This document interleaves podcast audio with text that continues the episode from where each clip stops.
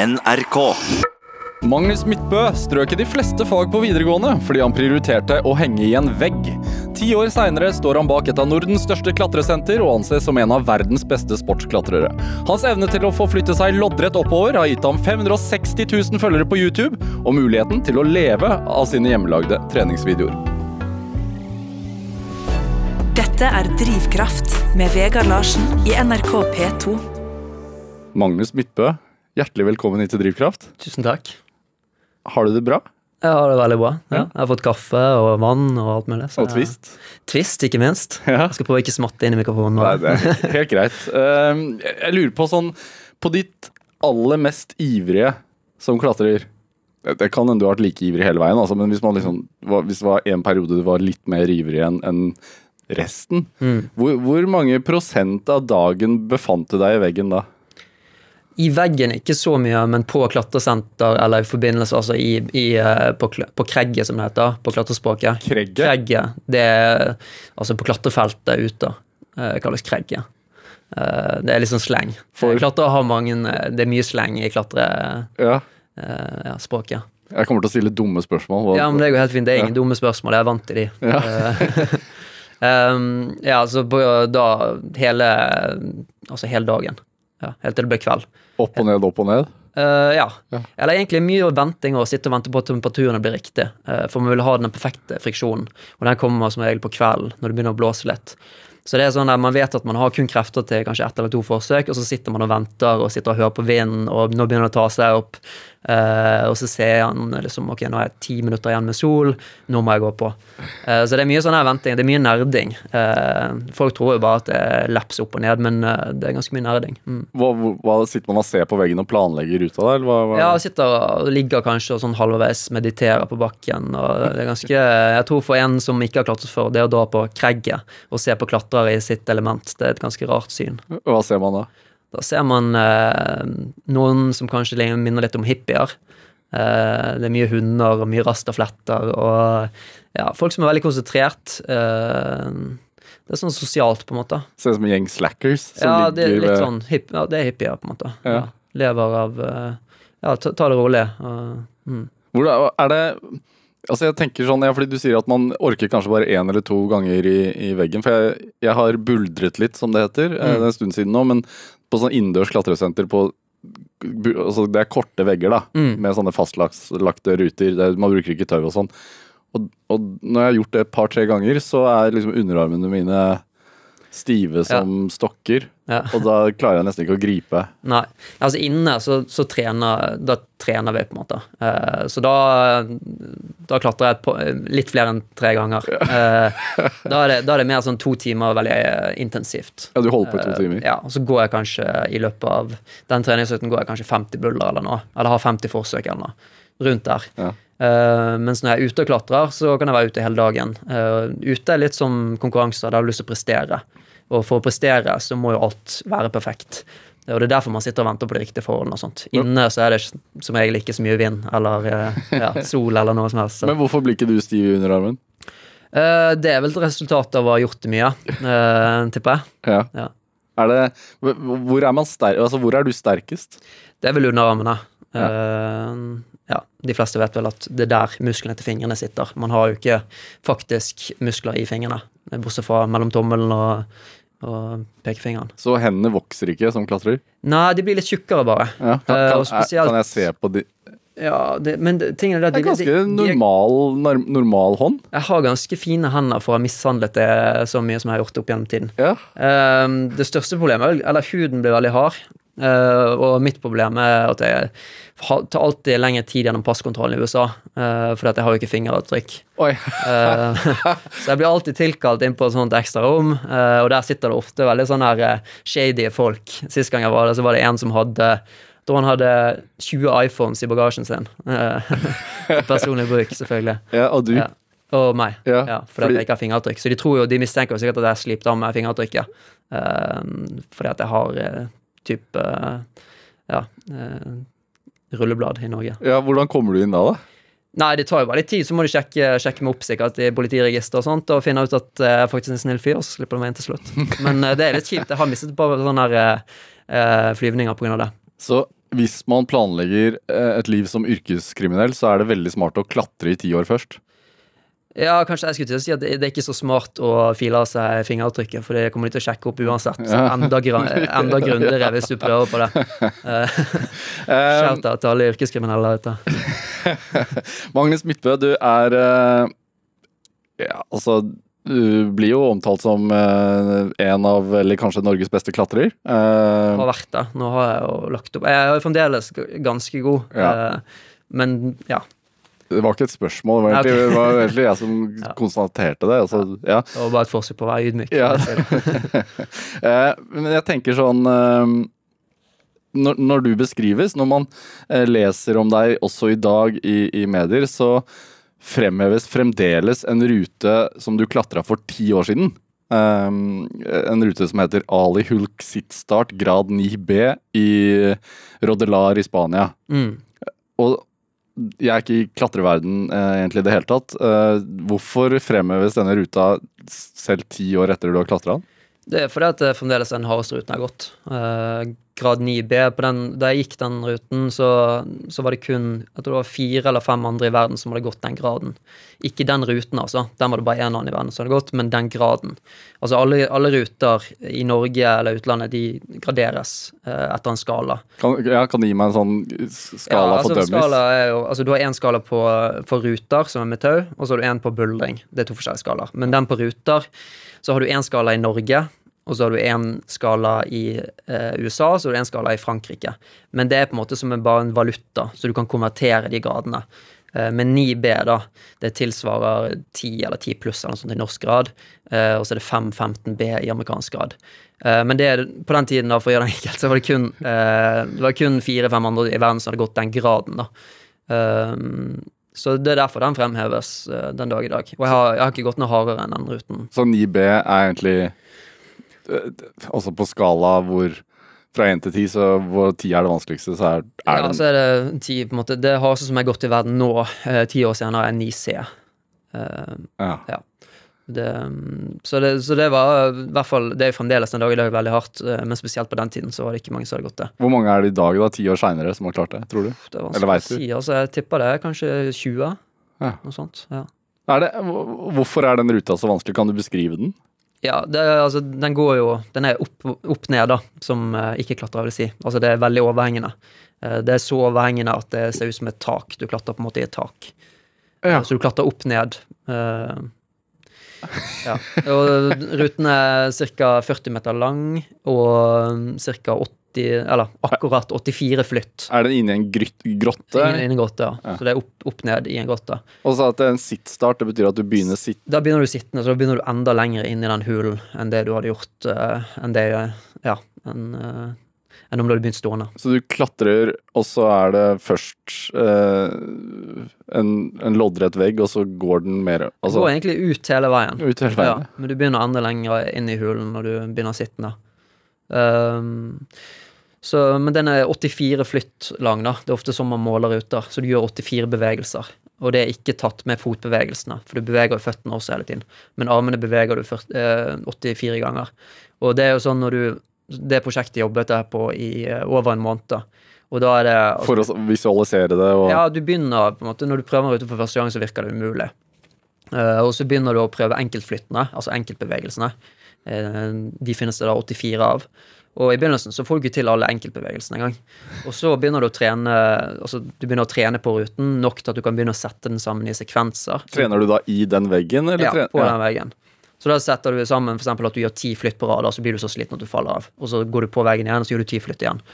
Og så begynner du på en måte å ta lengre, gjøre lengre og lengre sekvenser til du er god nok til at du kan gå den fra start til slutt, som er da 84 flytt. Så det er, en, det er en prosess, og i løpet av den prosessen så blir man veldig godt kjent med ruten. Uh, såpass kjent at altså, du kan se for deg hvert flytt i hodet, hvert klipp. Du vet hvilken partier du må klatre fort, hvilken partier du må klatre sakte, hvor du må stoppe.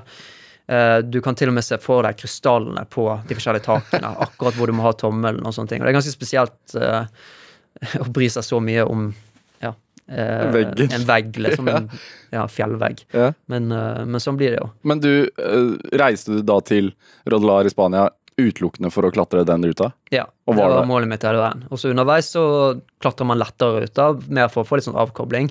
Og det å få trene, trene litt eh, ja, andre ting. Trene ned? Ja, trene ned og få ho altså hodet, at jeg kan slappe litt av. For det blir ganske intenst. Det er det eneste du tenker på uh, mens du er der. Det liksom, du går, Selv om du sitter og spiser middag, så tenker man på flyttene, for man har jo ruten inni hodet. Så tenker liksom, ja, kanskje hvis jeg setter høyrefoten 10 cm til høyre, så gjør det det flyttet litt lettere, og det kommer til å gjøre at jeg sparer energi til resten av ruten. Så det er sånn at du sitter og nerder, det er en ganske sånn slitsom prosess. Um, men da samtidig veldig tilfredsstillende når du går det til slutt, da. Eh, Så er det som nesten et sånn kapittel i livet ditt på en måte er ferdig. For det er veldig mange som spør om ja, men går du ikke den ruten på nytt igjen neste gang du er rullbar, men det gjør du absolutt ikke. Du, du har et prosjekt, du går det, og så er du ferdig med det. Det er liksom et kapittel som du bare Det er gjort. Du har besteget den veggen? Ja, du har besteget den veggen, og du går videre til et nytt prosjekt. Men, og du brukte en måned på det? Ja, cirka. Mm. Men det er ikke spesielt lenge heller for en sånn rute. Er det sånn da at du bestemmer deg dagen i forveien sånn Ja, i morgen så skal jeg klare det? Ja, de sier at til er hver dag, men så kommer du hjem med liksom bøyd hode hver kveld. Og så er det sånn det går i perioder. Sant? Du er, føler deg veldig selvsikker på at nå går det. Så plutselig, så selv om du trener på ruten, så går det dårligere og dårligere. Du skjønner ikke helt hvorfor. Og så kan det være fordi at du blir mer og mer sliten, at du ikke hviler nok, f.eks. Så det, i løpet av oppholdet der så måtte jeg ta plutselig var jeg nødt til å ta to hviledager. For jeg følte meg ve veldig nære, og så ble jeg sånn ok, nå har jeg bare lyst til å gjøre det. Og så prøver du litt for mye, og så blir du så sliten at du får en sånn her fysisk knekk. Og så går det dårligere og dårligere, og dårligere, og da må du liksom bare ok, nå må jeg ta to dager av. Og det er ganske slitsomt, det òg. For du har jo egentlig bare lyst til å liksom bli ferdig med det. Men og, når du da klarte å, å bestige ruta, Mm. er det riktig Ja. klatrelingo? Mm.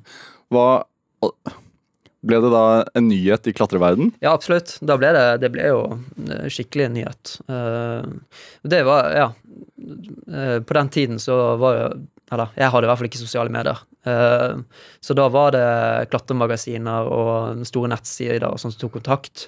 Og så måtte man stille et intervju og sånne ting, da. Eh, Så det var sånn det foregikk eh, på den tiden. Nå har jo på en måte alle sine egne kanaler i lommen med mobiltelefon, så nå har det blitt veldig annerledes. Men er det en drivkraft for å utfordre seg sånn på så vanskelige partier, eller er det det, på den tiden var det jo det. Jeg levde jo utelukkende av sponsorpenger. Eh, det var veldig lite inntekt, men det var nok til, at det gikk rundt. Eh, sånn ironisk nok, så eh, På den tiden jeg var best, var da jeg også tjente minst. Eh, men eh, ja. Så man var helt avhengig av å få de nye nyhetsartiklene og uh, bilder publisert i klatremagasiner med sponsorene, Ja. sånn at de skulle få noe igjen for samarbeidene.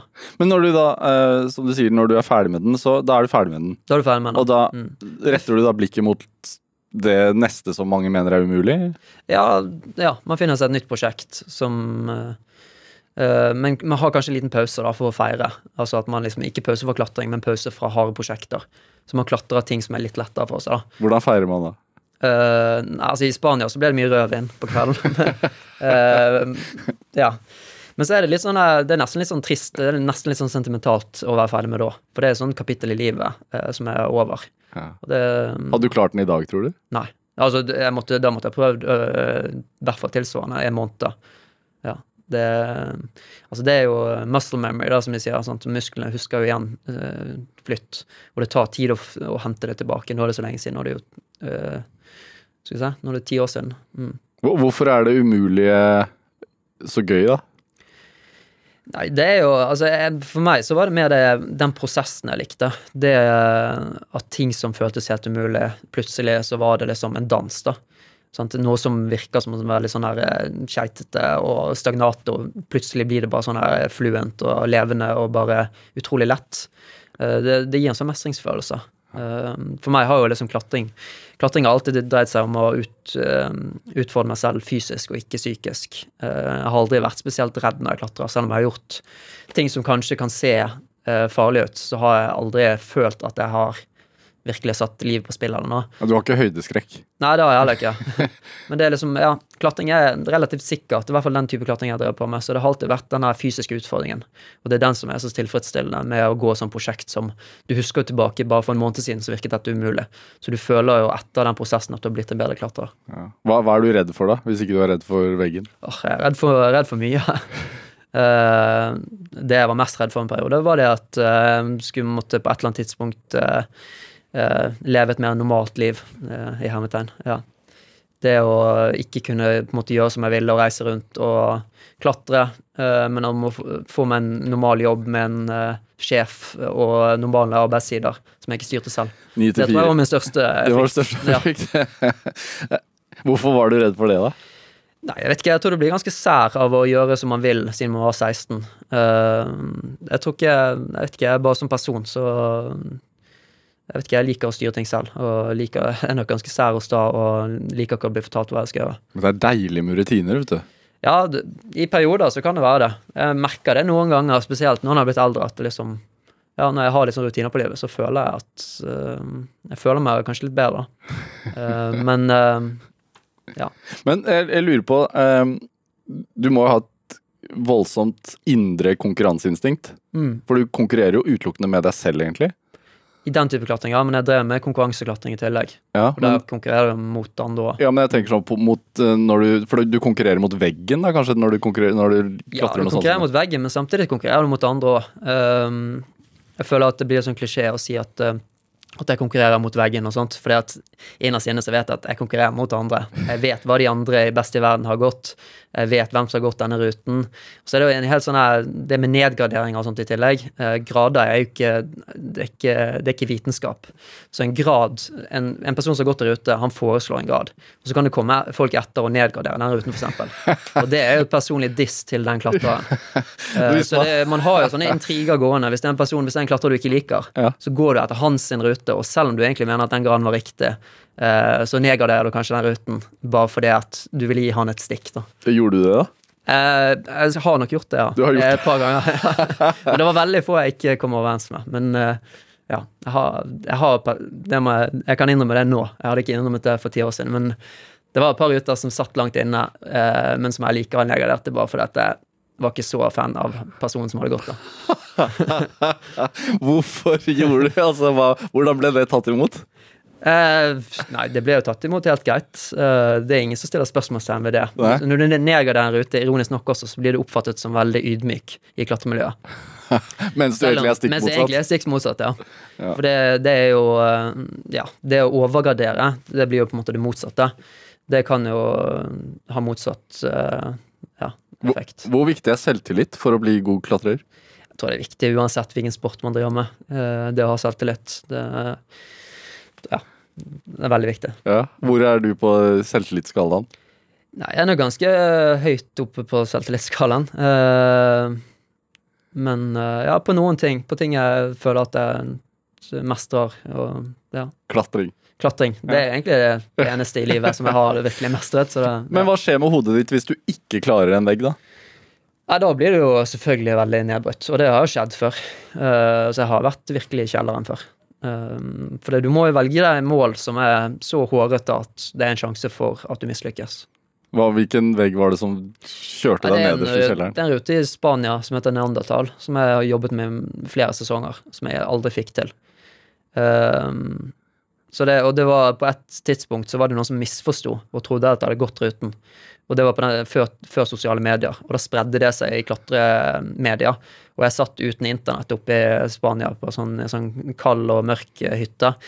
Og så når jeg kom ned til internett eh, og sjekket eh, nettsidene, så sto det at jeg hadde gått ruten. Og så måtte jeg ringe, eller måtte sende mail til alle og si det at dette her bare rykter, jeg har ikke gått ruten. Og det var liksom det siste stikket. da. Etter det så klarte jeg det ikke mer. Det var liksom bare, ja. Så det er den eneste ruten jeg har ja, feilet på og bare det, ver, verker det litt ennå? Ja, det de gjør det. Altså Ikke så mye nå, men det var lang tid hvor det på en måte ja. Du blir hele tiden påminnet eh, av andre klatrere, så blir du påminnet eh, De spør liksom ja, når skal du gå ned neandertal, og skal du tilbake i år, og ja, og så var det til og med folk som spurte «Ha- gikk du neandertal, eller? For de hørte jo den nyheten. Ja. Um, så ja, det, det er et hardt mentalt game. Det, det ser jo så fint ut, klatre ut i solen i Spania og sånt, men det er egentlig um, Ja, egentlig så venter man jo også på de beste forholdene i klatre, klatreveggen er mellom fem og ti grader og vind. Ja. uh, så det er, ikke, det er ikke spesielt behagelig. Er, jeg beklager for å trekke denne historien opp igjen i Nei, nei, det går helt fint. Ja. Dette er Drivkraft med Vegard Larsen i NRK P2. Og i dag så har vi en av Norges aller beste klatrere, Magnus Midtbø, her hos meg. Eh, Du er fra Bergen? Vokste opp Ja. i et studenthjem, hvis jeg har hørt riktig? Ja, var, foreldrene mine var unge når de fikk meg. Um, så vokste opp på Fantoft studentby. Og så flyttet vi videre til eh, Nattland studentby. Og så har jeg bodd eh, rundt omkring i Bergen etter det. Ja, Ja. Vi flyttet mye rundt. Så, kan- altså, vil man si at man allerede, altså da, da du var barn, at man allerede da kunne se at du hadde talent for klatring? Ja, altså Alle, alle i familien min sier at jeg klatret på alt før jeg begynte å klatre. Eh, I trær og på, eh, altså, på hus og bygninger og alt mulig. Eh, så mm, at moren min tok meg med til klatring eh, for første gang da jeg var ti år, det var vel egentlig kanskje mer for at jeg skulle gjøre de trygge omstendigheter. At jeg ikke skulle drepe meg selv på, med å klatre uten tau på en bygning. Um, så ja, jeg har nok eh, alltid likt å klatre. Det har alltid vært noe jeg behersker. Hvorfor tror du at du likte å klatre opp i høyden? Nei, jeg vet egentlig ikke. Det har liksom vært en sånn her eh, det mestringsfølelse. Jeg kommer alltid opp eh, der ikke andre kom seg opp. I, på skole og barnehage og sånt, så var det, var det om å gjøre å være raskest, raskest, sterkest, og det å komme seg opp der og ikke andre. Det var typisk for den tiden. Jeg vet ikke, Nå er det kanskje annerledes med iPad og sånne ting, Ja. men eh, på den tiden var det i hvert fall det. Og da Jeg kom alltid opp der hvor ikke andre kom seg opp. Så det var liksom mitt, eh, min fordel. Ja, Din claim to fame Mm. Ja. på, på, på Ja, det var faktisk kjent som Klatre-Magnus før jeg begynte å klatre. Så, ja. Er det, altså, hva tenker du er en sånn god forutsetning for å bli god klatrer? da? Altså, hadde, Man bør være sterk, da, antageligvis. Ja, sterk i forhold til sin egen kroppsvekt. Ja. Ja. Sterk, smidig. Um, ja. Eh, det hjelper også å være lett i kroppen, ikke bygd for tungt. Ja. Altså, det sies jo at klatring er eh, en veldig god treningsform. Mm. Og du har jo vært med å eh, starte opp eh, flere klatresentre. Altså, hvorfor er det en god eller treningsform? Det er, altså jeg mener at den, Hovedgrunnen til at det er en god treningsform, er fordi at du ikke tenker over at du trener. Eh, så trening blir gøy, og så er det i tillegg problemløsing. Altså, man kaller det et buldreproblem når man drar og buldrer, og det er fordi at man skal løse det problemet. Så det er sosialt eh, Det å skulle ja, altså løse problemet, så betyr det altså å sette seg inn i hvordan man beveger seg mellom takene. Eh, ruteskrueren som har skrudd det buldreproblemet, han har en baktanke, og så må du prøve å løse det på den måten han har tenkt det. Så det er mentaltrening også? Ja, mentaltrening. Så, så jeg tror det er det som gjør at det er så populært. Folk leter etter eh, alternativer til eh, sånn satseleksjer. Ja. Um, ja. Og det er det vi ser, på en måte at klatring som, som sånn eh, toppidrett øker kanskje ikke så veldig mye, men det er mer sånn klatring som en sånn studentidrett eller sånn treningsform. Det er det som er veldig vekst. Og det er jo derfor også det at det er et sånt økende behov for nye klatresenter i Norge. Men er det, er det en øh, For for jeg har vært og buldret noen ganger, øh, som jeg nevnte. Det er ikke snikskryt dette her, altså, for jeg er elendig i buldreveggen. Men, men da opplever jeg at, eller jeg har sett flere ganger at folk oftest, eller alltid da, menn, øh, buldrer innendørs i bar overkropp og sånn. Ja, det er sant. Det, Da blir jeg demotivert. ja, det skjønner Ja, ok, hvorfor Det, de er veltrent, da. Ok, ja. Ja. Ja. ja, det er jo kanskje en litt sånn ukultur som jeg selv er skyldig i. Jeg trener også mye uten T-skjorte. Det- Jeg vet ikke hvorfor. Er det, er det Det er nok, det er nok innerst inne, jeg skal være så ærlig å si, at det er nok et behov for å vise seg fram litt da. Ja. Uh, ja, så det T-skjorten hindrer jo bare bevegelser. Men, uh, men uh, ja. Nei, sånn er det bare Ja, jeg vet ikke. hvor- ja, Men er, er, er, det en kropp, er det en kroppsfiksert idrett, tenker du? Ja, det er nok det, på en måte. Jeg vet ikke. Ja. Ja. Ja, kanskje. Jeg har ikke tenkt så mye over det, egentlig. Eh, men det, ja, det er jo en eh, idrett hvor det, ja, det hjelper å, å være sterk og ikke ha så mye ekstra og, og ja, klatre med. Det er en sånn eh, diskurs i klatring sånn eh, Man sier jo at eh, alt handler om teknikk. Styr, Ja, er Styrke er, ikke så viktig. Ja, det er nok ja, i Hva- begynnelsen, kanskje. Ja, Hva Men- tenker du om det? Nei, det er jo helt feil. det er jo veldig mye styrke, selvfølgelig. Ja. Uh, smidighet, uh, timing eh, I tillegg til Det går litt under teknikk, men eh, ja, teknikk er jo viktig i begynnelsen, selvfølgelig. Du, du må jo vite hvordan du skal løse ting. Det er samme som at i begynnelsen så sier man at beina er viktigere enn armene fordi at du er sterkere i beina. Så etter hvert som man blir bedre, så mm, betyr beina nesten ingenting lenger. Det er gode klatrere opp gjennom tiden som har sittet i rullestol og frivillig gipset beina bare for å gå ned i beinvekt. Um, så det har mye å si i begynnelsen, ja. Men uh, etter hvert som du blir virkelig god, så, så klatrer man på ting som er brattere og brattere, og da har man ikke mulighet til å bruke beina på samme måte. Jeg tenker, eh, I dag så er det jo klatresenter eh, overalt, eller Mm, veldig, veldig mange steder. Og, og folk begynner å klatre tidlig, og barn begynner å klatre. Men, men hvordan var det på 90-tallet, da du var ung? Uh, nei, da var det veldig annerledes. Da var det sånn at du måtte oppsøke klatring uh, hvis du ville prøve det selv. Enten eh, så måtte du kjenne folk, eller eh, via familie, eller et eller annet. Eh, på den tiden så var alle klatresentrene i Norge drevet av klubber. Nå er det kommersielt. Eh, og klubbene har jo ikke, de har ikke samme behovet for å tjene penger. Så der var det i Bergen, i Bergenshallen, hvor jeg begynte å trene, så var det stengt på finværsdager. Eh, og det var åpent fra type sånn tre på ettermiddagen. Hvordan, men hvordan, hvorfor, altså, du, du nevnte at moren din tok deg med dit. Ja, det var tilfeldigvis hadde hun hørt hos en frisør. Eh, og så bestemte hun Hun skjønte jo selvfølgelig at siden jeg var på en måte Klatte-Magnus så skjønte hun at eh, kanskje det hadde vært noe for meg. Så bestemte hun seg bare for å ta med meg dit. Eh, men da var det, da var det en eh, sivilarbeider faktisk som jobbet i Bergenshallen. Og det var ingen ungdomsgrupper eller burs, det var ingenting sånt. Eh, så eneste måte jeg fikk klatre på, det var å leie denne instruktøren én dag i uken. Eh, og det tror jeg egentlig var positivt, for det, det var liksom den dagen i uken som jeg virkelig så frem til. Eh, tirsdag eller onsdag eller når det var. Det var liksom høydepunktet på uken. Eh, før så var det helgene som var høydepunktet, men da var det den. Og jeg tror det gjorde bare eh, at jeg ble enda mer sulten på å klatre, liksom. Og etter hvert så Hva var det som skjedde med deg da du var der, da? Eh, da jeg var det, nei, det var, altså Første gang så var det bare Klatring var liksom akkurat det jeg forventet. Eh, jeg hadde prøvd mange andre sporter før. Type sånn karate. Jeg hadde sett Karate Kid sikkert, eh, sikkert 50 ganger. Var, var, jeg var forberedt på å slåss når jeg kom på karatetimen, men det eneste vi gjorde på karatetimen, var å leve, leke stiv heks. Eh, så jeg var litt sånn skuffet. Men klatring var liksom akkurat det jeg forventet. Første gang jeg var der, så var det bare å ta på seg sele, og jeg fikk klatre på topp, til toppen av den 16, eh, 16 meter høye veggen.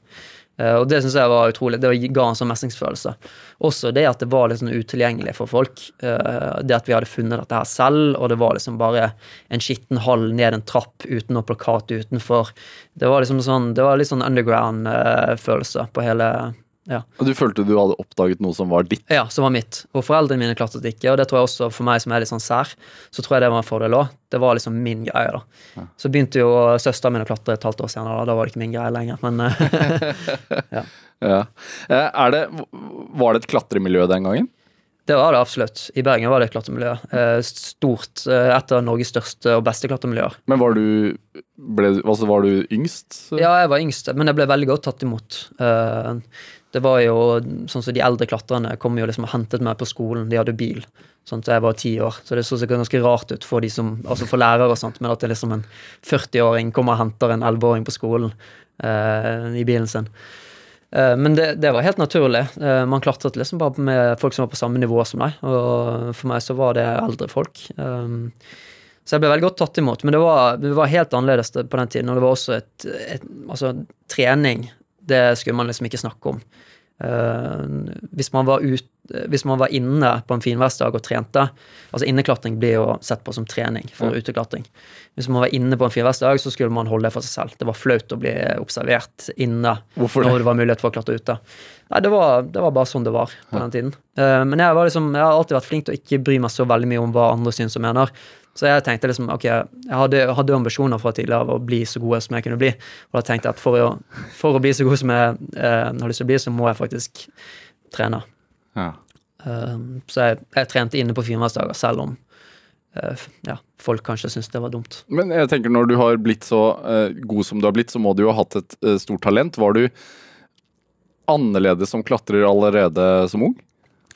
Ja, jeg hadde nok et eh, jeg, hadde, jeg tror jeg hadde styrketalent, men ikke et bevegelsestalent, egentlig. Eh, sånn teknikk har aldri Det har aldri falt meg veldig naturlig. Mens uh, skateboarding og sånt har nok aldri vært for meg. Mens rene sånn styrkeidretter, det har jeg alltid gjort det bra i. Um, så jeg hadde bra styrke, men dårlig teknikk, sikkert. Og det var det spesielt på den tiden, så var teknikk var liksom det viktigste i klatring. Det var liksom eh, Nå så er det jo Så lenge du kommer deg opp en buller eller rute, så spiller det ingen rolle hvordan du kommer deg opp den ruten. Eh, mens da så var det liksom Ja, det, det var stil, da. Det var det, altså, stil på den tiden var veldig mye sånn innvridninger. Hofteinnvridninger, liksom feminine bevegelser. Eh, og man skulle klatre sakte og kontrollert. Mens jeg var jo helt motsatt. Jeg slapp beina så mye jeg kunne og klatret campus, dvs. Si å klatre kun med armene, og klatret veldig raskt. Eh, som var liksom Det var en sånn type eh, Altså, det var en teknikk som ble ganske populær da. Eh, Chris Sharmer, som var den beste klatreren på den tiden, han var en sånn ung ypling som gikk alle rutene som ingen andre gikk. Og han hadde en sånn stil, da. Han klatret veldig fort, effektivt, brukte veldig mye armer, men han kom seg fort opp ting. Og da, det er jo veldig energibesparende. sant? Den, før han så var det liksom Da skulle du bruke så lite energi som mulig på vei opp, men det tar jo lengre tid. Ja. Så hans taktikk var bare å fly opp veggen. Og det var litt samme stil som jeg hadde, da. Altså, så selv om du kom fort til toppen, så var det feil? Ja, de mente det at jeg kunne Uh, At jeg kunne gjøre det mye bedre hvis jeg hadde bare klatret bedre teknisk. Ja. Men det var jeg helt uenig i, da, spesielt siden Chris Sharma var mitt store forbilde. Og han klatret sånn, så ville jeg klatre enda mer som han. Jeg bare- jeg tenker sånn, En, en, en klatrer som uh, mange kanskje har fått med seg, altså eh, han eh, Alex Honnold, han, Mm. som, han som var med i den uh, Free Solo-dokumentaren som, som NRK annet viste uh, i sommer. Jeg vet ikke om NRK fremdeles har den i sin nettspiller, ja, men, men som handler om sånn uh, eh, free-klatring, altså klatring uten tau. Har han, Hvordan teknikk har han i forhold til deg? Han har nok mer den gamle øksestilen. Uh, men han er jo avhengig av det, for han eh, Hvis han faller, så, så dør han jo. Så han må klatre veldig kontrollert. Og det å ha fire punkter på, altså både to armer og to bein, så mye som mulig, det minimerer risken. Sant? Hvis et tak brekker, eksempel, og du henger med én hånd, så er du død. Men hvis et tak brekker og du henger med to armer og to bein, så har du eksempel fremdeles sjanse til, til å redde deg inn. Så det er to forskjellige retninger innenfor klatring. da. Ja, men, men den retningen som han driver på med, er det jo veldig få som driver på med. Så han, men det krever jo noe helt annet. på en måte. Det, han setter jo Ja, han driver med frisolo, som er veldig få andre driver på med. Ja, klatring uten tau. Ja. Gjør, gjør du det? Nei, jeg har jo jeg har prøvd det, og jeg har jo klatret med Alex uh, selv. Uh, men jeg driver ikke på med frisolo, nei. Er det, er det sånn i klatremiljøet at man kan godt eh, drive klatring uten tau, men man skal egentlig ikke snakke noe særlig om det? Ja, kanskje litt sånn. Og så er det jo flere ganger hvor det er litt sånn gråsoner. For eksempel, du har, hvis man er på en storvegg, så tar man Noen ganger klatrer man running belay, som det heter, hvor man bare klatrer med tau mellom seg. Du, du, du er to klatrere, så har du tau mellom deg. Og så istedenfor å sikre, da, så klatrer begge to samtidig, og så setter den ene inn sikring, og den andre tar ut sikringer. Og det kan i mange tilfeller det er nesten like farlig som frisolo. På at det ser ikke like For for du hvis har en, en ryker, da, så hvis en ryker da, så har du kanskje 50 meter med slakk mellom deg, og du vet ikke om de sikringene om, om de holder, og du vet ikke hvor mange sikringer det er mellom der. sånt. Ja. Så det er en sånn metode man bruker på virkelig lette ting.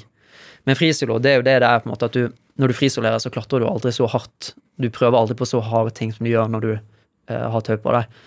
Um, og for meg så har det alltid vært den fysiske delen av klatringen som har tiltrukket meg. Så det er jo det jeg driver med. Er det Altså, jeg, jeg tenker, altså når du prioriterer å henge så mye i en vegg som du, som du har gjort, Ja. eh, har du da en egenskap hvor du har evnen til å bli besatt av noe? Ja, det har jeg absolutt. Um, og jeg er veldig sånn, når jeg først blir besatt av noe, så glemmer jeg alt annet. Uh, så jeg slipper liksom alt jeg har i hendene, og så fokuserer jeg på en ting. Balanse har jeg aldri vært veldig god på. Det å ha balanse i livet og rutiner og sånne ting. Um, så, så fort jeg begynte å klatre, så ble Da var det det, liksom. Da sluttet jeg på skolen og Ja. uh, gjorde ingenting annet. Sluttet å være med venner også som ikke var klatrere. Sånn, fikk meg nye venner og ja, fokuserte kun på det. Så det er på godt og vondt, ja. Så, så blir jeg besatt av ting. Hva Tenker du at du har gått glipp av noe i forhold til det? Det er nok mange som vil påstå at jeg har gått glipp av mye i oppveksten, ja. Eh, sikkert mange klassefester, og mm, russetiden for eksempel var jo ikke Det var ikke aktuelt i det hele tatt. Du klatret. Jeg klatret, ja. ja. Jeg ble sur omtrent hvis noen som i det hele tatt hadde spurt meg om jeg skulle være russ, liksom. Selvfølgelig skulle jeg ikke det. Eh, hadde viktigere ting å gjøre, liksom. Så det var ganske Som er helt altså, som, som var veldig sånn Kan sikkert bli oppfattet som veldig arrogant, og det var det jo også.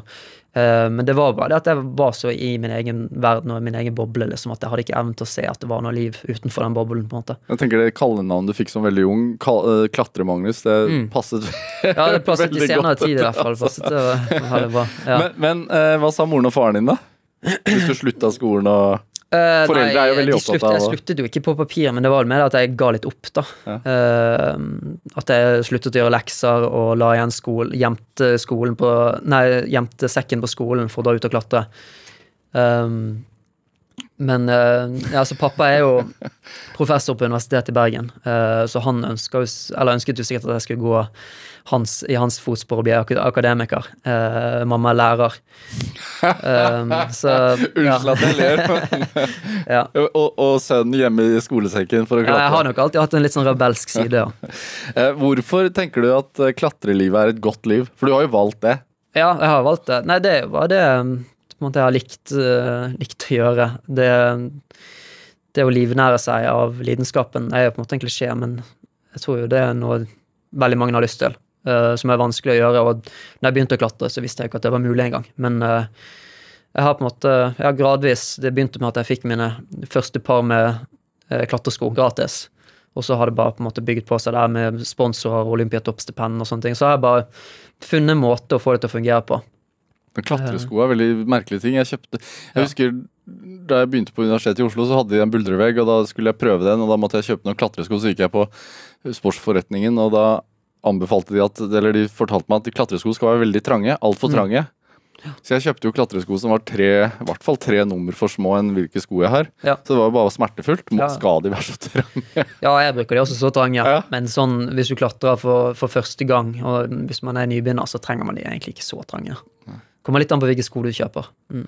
Du er jo eh, kjent som konkurranseklatrer, men du har gitt deg, Mm. gitt deg som det. Altså, du ble eh, norgesmester elleve ganger. Eller tolv. Jeg ble ja, mer enn det. eh, ja. Men eh, det kommer litt an på hvordan man regner, om man regner buldring og led, eller bare Men jeg har 13 kongepokaler. Ja, Jeg 13 ganger, da. Og, og kanskje disse tallene er feil, da, men nordisk mester syv ganger. Ja, Ja. det stemmer. Og juniorverdensmester. Ja. Så hvorfor ga du deg med konkurranseidretten? Uh, nei, det var egentlig bare Du var jo på topp, egentlig. Altså, sånn, Ja, på, jeg var nok ikke på topp når jeg sluttet. De siste årene følte jeg liksom at motivasjonen dalte, og jeg hadde ikke den sulten som jeg hadde. Altså det på en måte at jeg var villig til å si fra meg eh, vennskap og russetid og alt sånt. Eh, det var liksom Jeg vet ikke, jeg var liksom ferdig med det. på en måte. Jeg, var ikke, jeg hadde ikke den sulten som jeg hadde da jeg var 16 til eh, 25. Eh, og da ja, det, det, men det tok lang tid før jeg på en måte innså det. Uh, det men det var sånn gradvis overgang til at jeg bare vet ikke, jeg bare merket at jeg liksom ikke hadde den samme driven lenger. Uh, og da følte jeg samtidig at altså, jeg hadde oppnådd eh, mye av det som jeg trodde at ja, jeg, jeg trodde ikke jeg kunne bli så mye bedre. Og da følte jeg at det var på tide å gi seg. Må man ha den sulten, tenker du, for å bli Ja. god? Ja, det tror jeg. Spesielt i en idrett som klatring, hvor du ikke du, du får liksom ikke alt servert fra trenere og opplegg og Olympiatoppen og sånne ting. Du må finne ut veldig mye selv, og du må eh, Spesielt på den tiden jeg, Nå er det litt annerledes nå, da. eh, Men på den tiden hvor jeg drev på, så måtte jeg finne ut av ting selv. Jeg dro til Østerrike for å trene med de beste, og ja. eh, Så da må du ha den driven. Hvis ikke, så er det, det er ikke vits. Er det en idrett man blir rik av? Nei, det er det absolutt ikke. I hvert fall ikke av sponsor og sånne ting. Eh, nå i senere tid så har jeg jo begynt med sosiale medier og sånt, Uh, i tillegg til å åpne klatresenter. Uh, Jo, men sånn klatrere generelt tenker jeg på, ikke Ja. deg spesifikt, men sånn ja, sånn, ja. Nei, absolutt ikke. Nei. Det er jo sponsorer da du lever av som klatrer. Og ja, sponsorer uh, Ja, du skal være veldig god for å få spesielt bra betalt for Hvor mange er det plass til på den toppen der, da? Som kan er leve av det. det? å si. Nå blir OL, altså klatring blir OL-gren i Tokyo 2020, så da tror jeg det er plass for, til litt flere. Men um, Nei, det er vel typ kanskje 50 til 100 profesjonelle klatrere i verden, kanskje. Som kan leve av det ordentlig? Som kan Ja, men det er litt sånn Du har jo andre land med andre inntektsnivåer, sant, så det er Ja. Eh, det er litt annerledes når du skal leve av det i Norge, på en måte. For jeg hadde jo internasjonale sponsorer, men jeg måtte jo Jeg bodde jo i Norge, så det var jo Ja. Ja. Men i dag så er du en, en av de 50? Ja, men i dag føler jeg egentlig mer eh, at jeg lever av YouTube og andre ting, da. Så jeg er egentlig ikke profesjonell. Jeg har jo gitt fra meg mye av de sponsoratene. Eh, så jeg lever jo mer andre ting nå, egentlig. Dette er Drivkraft med Vegard Larsen i NRK P2. Og i dag så har vi klatrer og YouTuber Magnus Midtbø her hos meg. Eh, Du nevner YouTube. Du er stor på YouTube. Du har 560 000 følgere. Altså over en halv million mennesker som Mm. Ja. følger deg. Ja. Det er ganske, det er vanvittig, syns jeg. Ja, ja, det er ganske sykt. Det har vært en, eh, vært en lang reise, si sånn. Ja, og på Instagram, en annen sosial medietjeneste, så har du 273 000 følgere. Mm. Du er en sosial mediestjerne. Ja. Det, jeg liker liksom ikke ordet influenser, men uh, samtidig så må Ja. man kanskje kalle en spade for en spade. Men er du en sosial fyr? Egentlig ikke. Og det tror jeg gjelder mange sånne, som er på sosiale medier, at man ikke er spesielt. Det er kanskje derfor man bestemmer seg for å være på sosiale medier, fordi at man ja, ikke egentlig er så sosial. Men hvorfor begynte du med YouTube? Uh, nei, det var egentlig så var det Jeg begynte med Instagram eh, og hadde ca. 100 000 følgere der. Og så tenkte jeg at okay, nå skal jeg bare begynne med YouTube, for det ser jo Uh, ja, Jeg trodde liksom at det var fremtiden. da. Jeg har sett på litt sånn Jon Olsson og andre som var på YouTube, og tenkte at på et eller annet tidspunkt så kommer denne klatrekarrieren til å være over. og da er det greit å ha Hvem hvem er. Jon Olsson? Han er en uh, eks Uh, Han drev med ski før, og så begynte, nå begynte han med videoblogging på YouTube, da. Um, så um, nå, nå går han ikke på ski lenger. Nå lever han bare av, av bloggingen, da. Men eh, jeg, var, jeg var egentlig ikke noe sånn fan av hans sine videoer, egentlig. Men jeg så liksom det han gjorde, det med å legge ut videoer, det tenkte jeg at det var, kunne være en god idé for meg òg, da. eh, som allerede begynte å kjenne litt på det, at jeg var litt lei av konkurranser og eh, det å forholde seg til sponsorer og måtte på en måte hele tiden tilfredsstille de. Hva var det første du la ut av? Eh, det var en video eh, om det nye klatresenteret. Eh, hele prosessen begynte samtidig som jeg startet Eller skulle starte Oslo klatresenter på Skullerud her i Oslo. Et av, så vidt jeg vet, Nordens Ja. største Mm. Ja. Så, men det var en ganske slitsom prosess, og det tok veldig lang tid. Altså Jeg trodde jo på en måte at en del av de jeg følgerne fra Instagram skulle komme over på YouTube, men sånn var det ikke i det hele tatt. Så det tok uh, Jeg føler at den plattformen har jeg på en måte bygget opp helt for seg selv. Uh, og det har en mye større verdi, for de som følger meg på YouTube, de føler virkelig at de kjenner meg. Uh, mens før jeg begynte med YouTube, så folk som kom bort til meg, da spurte de bare om jeg var han, han som drar seg opp etter én finger, eksempel, eller er du han klatreren? Det var det de spurte da. Men nå vet jeg liksom Du har sett, sett videoene, altså VG har vel lagt ut en del videoer av deg hvor Ja. du trekker deg opp i en finger og, Ja, og NRK. one- sånn enarms pullups. Ja, mye det. Og det var jo på en måte mer sånn der gimmick som solgte bra på den tiden. Uh, for det klatring har jo aldri vært så veldig sexy for media, på en måte, for det er vanskelig å skille på en hard rute og en veldig hard ute. Alt ser litt likt ut for folk som ikke klatrer. Ja. Men sånne styrketester som det, det mann i gata kan relatere til, og derfor tror jeg det har vært uh, interesse for det. Så jeg prøvde jo, på Instagram prøvde jeg å legge ut så mye som mulig av det, selv om jeg alltid syntes det var litt sånn kleint og litt sånn der eh, ja, jeg følte at jeg gikk under den der fitness-influencer eh, Jeg gikk inn i den kategorien, da. Så det var litt det også, at jeg ønsket at folk skulle bli kjent med den ekte jeg, da, gjennom YouTube også. At jeg på en måte hadde mer å by på. Det er jo, eh, altså YouTube er jo en gammel mediekanal nå. Vi alle kjenner jo til YouTube, men likevel så er det jo eh, et medie hvor veldig, veldig mange prøver å eh, bygge seg en slags karriere. Da. Og, og du har jo klart det. Fått en, over en halv million følgere og sånne ting. Men hva når, når begynte det å tikke inn? liksom? Var det vanskelig i starten? Det var litt vanskelig i starten. da. I starten så var det nok ikke personlig nok. Eh, for jeg hadde Helt til å starte med så hadde jeg en person som gjorde alt for meg. eh, som lagde videoene mine. Eh, men så Det funket. Vi lagde 50, 50 videoer sammen. var fremdeles på eh, 3000 subscribers eller noe. Og Det er, det er det er ingenting. ingenting. Du er ikke i nærheten av å kunne leve av det. Så bestemte vi oss bare for at dette her ikke funket. Og så bestemte jeg meg for at jeg skulle prøve litt på egen hånd. Og selv om jeg begynte jo i iMovie, på en måte, eh, lagde med et lite kamera, dritdårlig kvalitet, men det ble liksom, det ble mer personlig. Eh, det er noe med det at du Ble du besatt av å få til det også? Ja, det ble jeg besatt av. Og da sluttet jeg jo egentlig altså, Jeg sluttet å klatre på samme måte. Er det sant? Ja, ja det ble liksom Det ble ikke klatring på den samme måten som jeg gjorde. Det var mer det å lage videoer om klatring. Det, det, det var det som var viktig nå, på en måte. Eh, det å snakke til kamera og forklare ting til publikum og ja, altså nå etter hvert så har det jo på en måte blitt mer og mer ikke bare klatring, men også lage videoer om andre ting. For det klatre Altså, man kan kun bli så stor innen klatring. Eh, Hvor mange følgere av de sånn prosent tenker du er klatrere? tipper det er under 50 som er klatrere. Ja. Så nå må jeg liksom forklare alt. Så før vi startet i dag, så var du veldig sånn Ja, jeg må forklare alt på det er mange, altså De fleste som hører på, er jo ikke klatrere. Så jeg tenkte liksom inni meg at ja, jeg er vant til det. For det er de jeg også snakker til eh, på YouTube. Mm. Hvorfor tror du at de følger deg? da? Um, nei, altså jeg har gjort mye samarbeid med andre som driver med fitness-ting, da. Uh, så, så det kommer jo mye fra de samarbeidene. Men uh, jeg tror de følger meg mye pga. at de ser den gleden på en måte for det jeg gjør. Eh, og de liker jo å følge med på alt mulig, fra det å starte klatresenter til eh, ting som har med kjærestegreier å gjøre, til eh, trening, reising.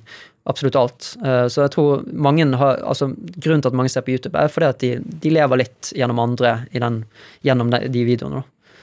Eh, Når, når du definerer deg selv som en ikke-sosial person, var det en barriere å bli, være sosial på Uh, ja, altså jeg er jo sosial, men jeg er nok eh, Ja, jeg, mm, altså jeg har ikke problem problemer med å være sosial foran et kamera, liksom. Det, for da er det liksom kamera og meg, da. Uh, Hva slags tilbakemeldinger jeg- får du, da? sånn for, ja, altså jeg, jeg er veldig lite fan av type festivaler og sånt. Jeg har aldri vært noen fan av festivaler. Det finnes jo masse klatrefestivaler, og sånt, det har jeg aldri skjønt poenget med. Grunnen til at Jeg klatrer, altså jeg håper alltid at det er minst mulig folk på Kregge. Ja. Du skal ha Kregge. Og se på? Ja. ja, som bare er på Kregge. Bare sånn at jeg skal få være litt for meg selv. da. Eh, så det er det jeg mener med å ikke være sosial. Men, eh, men jeg, har jeg har veldig mange gode venner, og jeg er jo på en måte sånn halvveis sosialt oppegående og sånt, men det er bare det at eh, jeg, er veldig, jeg tror jeg er veldig, veldig introvert, Mm. mm, egentlig. Er det en fin ting i veggen? Uh, ja, det tror jeg nok. Hvis man har et veldig behov for å være sosial, så tror jeg ikke man hadde trivdes så mye ute i ødemarken. Eh, så jeg tror, eh, tror det er en fin ting, egentlig. Hvis man har lyst til å drive med uteklatring, i hvert fall. Så tror jeg du er nødt til å være litt introvert. For det er veldig Ja, det er jo litt av det som på en måte har eh, tiltrukket meg med klatring, i tillegg til at det er fysisk utfordrende, så har det vært den avkoblingen Alene i naturen? alene i naturen, og også det når jeg faktisk er på ruten. Altså, du er kanskje på ruten, du har en arbeidstid på ti minutter, da. Eh, men da er du så i sonen at du, tenk, du tenker ikke på noe annet. Så det er en sånn form for meditasjon. På sånn, Mhm. Er det, hva, slags tilbakemelding får du av leserne dine? Eller av følgerne, de som ser på videoene? Uh, nei, det er jo uh, både positivt og negativt, og man prøver, man prøver jo å tilpasse det uh, etter, etter de. Man må jo forsøke ting, og man er jo avhengig av et visst antall views for å kunne leve av det. Så Hvor mange må man ha for å leve av det, tenker du? Eh, det kommer an på altså Egentlig så Man får jo ikke betalt per subscriber, man får heller ikke betalt per view. Det altså Minute watchtime er egentlig den mest som målbare. Uh, og mm, sånn I forrige måned hadde jeg ca. 70 millioner minutter watchtime. Uh, så ja, så det, det er ganske mye. Det var den beste måneden jeg har hatt hittil. Og det, det da kan man absolutt leve av det. Altså, så, så folk til sammen så 70 millioner minutter Ja. på videoene dine? Ja, i, i, i forrige måned, i desember. En svær mediekanal, da, egentlig. Ja, det er, jo, det er jo det. Man når ut til mange. Men det er jo spredt utover hele, hele verden, og Norge er bare 3 uh, Tenker du over da hva du formidler? Altså, tenker du at uh, du har et ansvar på et vis? Ja, absolutt. Uh, jeg, jeg får jo daglig i hvert fall fem ti, til ti meldinger fra folk som er sånn veldig takknemlige fordi at jeg har fått dem til å begynne å trene. Uh, fordi at de ikke Jeg vet ikke, jeg tror det er folk som kanskje ikke syns det er så gøy å trene på vanlig treningssenter, da, som ser på videoene mine, og så forklarer jeg buldring på en litt sånn enkel måte. Eh, og så prøver de buldring, klatring, og så liksom begynner de med det, og så endrer det Eller de sier i hvert fall at det endrer, endrer livet deres, da. Bare fordi de blir mer sunn og fysisk aktiv. Og, ja. Hvis du skulle overtalt meg nå veldig kort på, for at jeg skal begynne å buldre, da, hva ville du sagt da? Nei, jeg har aldri overtalt, prøvd å overtale. uh, jeg tror Nei, jeg vet ikke. Jeg tror, jeg tror mer det at de bare ser den gleden jeg har for det i videoene mine. Og jeg prøver også å ha, lage videoer med mange folk som ikke er så, uh, så gode, eller som er nybegynnere. Eh, og det tror jeg får folk til å Jeg ser ofte det at de videoene jeg lager med nybegynnere, de får vel så mange views som de jeg lager med gode klatrere. Og det er bare fordi at folk, folk ser på YouTube litt fordi at de har lyst til å relatere til det innholdet de ser.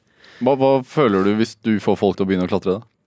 Eh, nei, det føler jeg det er utrolig Det er jo den største komplimentet jeg kan få, omtrent. Uh, så det synes jeg, men samtidig så har jeg et stort ansvar, og jeg får jo mye kritikk og når jeg gjør ting feil, på en måte. For, for hva da? Nei, det kan være reklame, Uh, og jeg tror det er jo nok mange innen klatremiljøet som vil si at jeg er på en måte en sell-out, da, som drev med YouTube, um, istedenfor å klatre ute og gjøre det jeg gjorde før, på en måte. Og ha null inntekt? Ja, ha null inntekt. Det hadde jo vært det Jeg måtte jo i så fall hatt en vanlig jobb nå, i så fall. Dette er Drivkraft med Vegard Larsen i NRK P2. Og i dag så har vi klatrer Magnus Midtbø her hos meg. Altså, man, mange tenker jo at klatring er farlig, er det det? Det kommer an, helt an på hvilken type klatring du driver med. Um, men den type altså sportsklatring som jeg drev på med, er ikke spesielt farlig. Uh, det skjer ikke veldig mange ulykker ehm, i sportsklatring. Tror du at det er også et slags sånn stempel som er i ferd med å forsvinne litt? Ja, det tror jeg. Når flere og flere nå eh, benytter seg av innendørs klatresenter, så tror jeg at eh, det, det stempelet forsvinner. Nå er det mer en, en vanlig idrett. Jeg vil jo si at for de, for de fleste så er det ikke noe ekstremsport, på en måte. Det, Nei, men det er en sånn litt merkelig at For jeg får jo inntrykk av at det ofte er de beste klatrerne i verden som omkommer.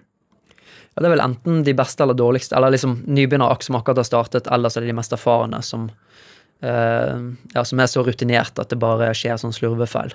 Og litt det samme som i trafikken nå. eh, at det, ja, det kan ha godt være at jeg tar feil på dette, her, men jeg tror i hvert fall det er sånn at de som akkurat har fått eh, sertifikatet, eh, og de som har kjørt veldig lenge, det er der ulykkene skjer.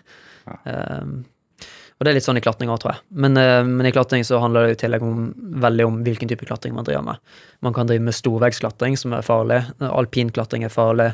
eh, og selvfølgelig frisoloklatring er farlig. Men hvis man driver med sportsklatring eh, på bolter, da Bolter er jo sånne metallting som er boltet inn i fjellet, så er det veldig sikkert. Ja. Og det, jeg tror det er den type klatring som folk tiltrekkes nå. Er det det som at Altså, har du blitt tiltrukket av farlige Nei, egentlig ikke. Det, um, Men har du opplevd å, å miste noen klatrevenner? ja, det har jeg. Men de har drevet på med andre typer klatregrener, som regel. Eh, Det er storveggsklatring. Når, når sånne ting skjer, altså ser du da på sporten din på en annen måte, eller? Nei, egentlig ikke, for det, det er hele tiden kalkulert risiko. De vet akkurat hvilken risiko de tar. De vet på en måte det at når de er eh, på kregget og klatrer på bolt, så tar de ingen risiko, mens når de var der eh, hvor ulykken skjedde, så, så var det en risiko forbundet med det. Eh, så det tenker jeg det er jo opp til de å, å avgjøre. Eh, ja, og jeg tenker ikke noe mer over hva jeg selv driver med, for jeg er også klar over på en måte, at når jeg er inne og klatrer, for eksempel, så er det jo ingen risiko. Hvis jeg er ute og skal gå en stor vegg, så, så er det alltid en risiko. Tenker du at det er en del av gamet? Altså de som velger å gå de utfordrende rutene hvor det faktisk kan potensielt skje? Altså da Da har de liksom valgt det selv? Ja, da har de valgt det selv. Og det kan jo, mange kan jo si at det er egoistisk eh, hvis de har familie og sånne ting.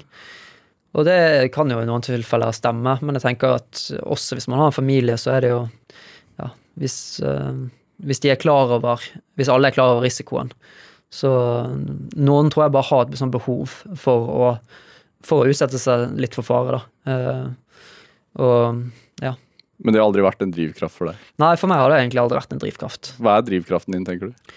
Drivkraften min er å ut, utfordre meg selv fysisk. Alltid, ja, det har alltid vært den fysiske biten.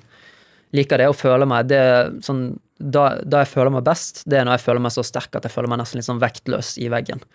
Uh, da føler jeg meg absolutt best på alle, eh, på alle nivåer i livet, på en måte. Holdt på å si. Det, ja. Er man- er man nødt til å, å trene som en toppidrettsutøver? Altså, jeg, jeg spurte deg før vi gikk inn her hva du har spist til frokost, sånn tilfeldig, og da sa du havregrøt. Eh, ja, i hvert fall sånn jeg levde før, så levde jeg jo som en toppidrettsutøver. Det gjorde jeg. Eh, og diett, eh, altså hva man spiser, er jo veldig viktig i klatring. Og derfor også så er det jo mye spiseforstyrrelser i klatring. Og det er jo en av de ansvarene kanskje jeg tar litt sånn al alvorlig på YouTube-kanalen min, at jeg snakker veldig lite om kosthold og sånt. Bare fordi at jeg vet at jeg har veldig mange yngre seere som lett kan påvirkes, og som lett kan Altså, ting kan sikkert mistolkes. Fordi at det er eh, viktig å være lett Ja, for det er viktig å være lett, men jeg har samtidig ikke lyst til å sette et veldig fokus på det, for du skal være på et veldig høyt nivå for at det faktisk har mye å si. Og jeg tror for de fleste så holder det å bare eh, klatre enda, enda mer. Um, så, så derfor, selv om jeg har fått veldig mye sånn forespørsler om jeg kan ha om jeg kan ha, eh, lage flere videoer om kosthold, så gjør jeg det bevisst ikke. Um, og hvis jeg først snakker om det, så prøver jeg å gjøre det på en så bra måte som mulig, og bruker litt ekstra tid på de videoene. Jeg tenker, altså Du har jo vært med å etablere um, et stort klatresenter i Oslo. Dere er i ferd med å åpne et i Kristiansand. Mm. Og så er det til, er det ikke det? Vi har flere som vi driver og planlegger, ja. Ja. Som er litt sånn mm, Og du skal produsere klær. Ja, vi, mm. Er er du Altså, er du i en ny fase av livet? Ja, det er nok, men det er nok en som gradvis Det har vært en sånn gradvis overgang. Jeg tror egentlig at den overgangen startet litt med Instagram. Og så, begynt, og så gikk det videre med YouTube. Og nå ser jeg på en måte at eh, ja, YouTube har blitt eh, I begynnelsen var jo også det en lidenskap. Jeg lagde jo videoer, og i begynnelsen som sagt, så gikk det jo så tregt at jeg tenkte jo egentlig at dette kommer aldri til å være mulig å lage penger av. Eh, men Samtidig så får jeg mye bra tilbakemeldinger, folk syns de liker videoene mine. Så jeg fortsetter å gjøre det litt. Og da kunne det gå plutselig en måned eller to hvor jeg ikke lastet opp videoer, bare fordi jeg drev med andre ting. Men når du har vært altså, i, helt i toppen i verden i klatring, hva, hva er ambisjonen nå, da? I den nye, nye, nye fasen av livet?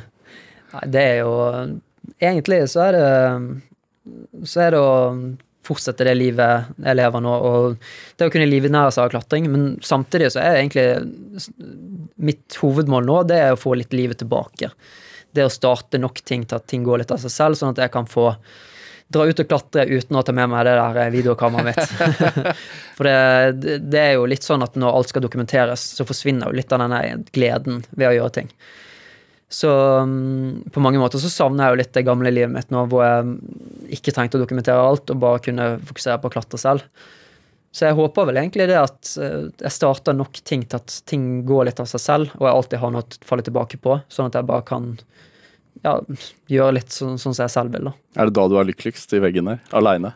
Ja, det er egentlig det. altså. Ikke ute med et par nære venner, så, så er jeg lykkeligst. Magnus Midtbø, tusen takk for at du kom hit til Drivkraft og lærte meg ganske mye om klatring. takk for at jeg fikk komme. Eh, hør flere samtaler i Drivkraft i NRK radio på nett og app, eller last oss ned i din podkast-app. Følg oss gjerne også på Instagram på NRK-Larsen. Send forslag til gjester jeg kan invitere til programmet, eller send en tilbakemelding på det du har hørt. Send e-post til drivkraftalfakrøll.nrk.no. Produsent i dag er uh, som vanlig Kjartan Aarsand, og jeg heter Vega Larsen. Dette var dagens Drivkraft. Ha det godt. Du har hørt en podkast fra NRK P2.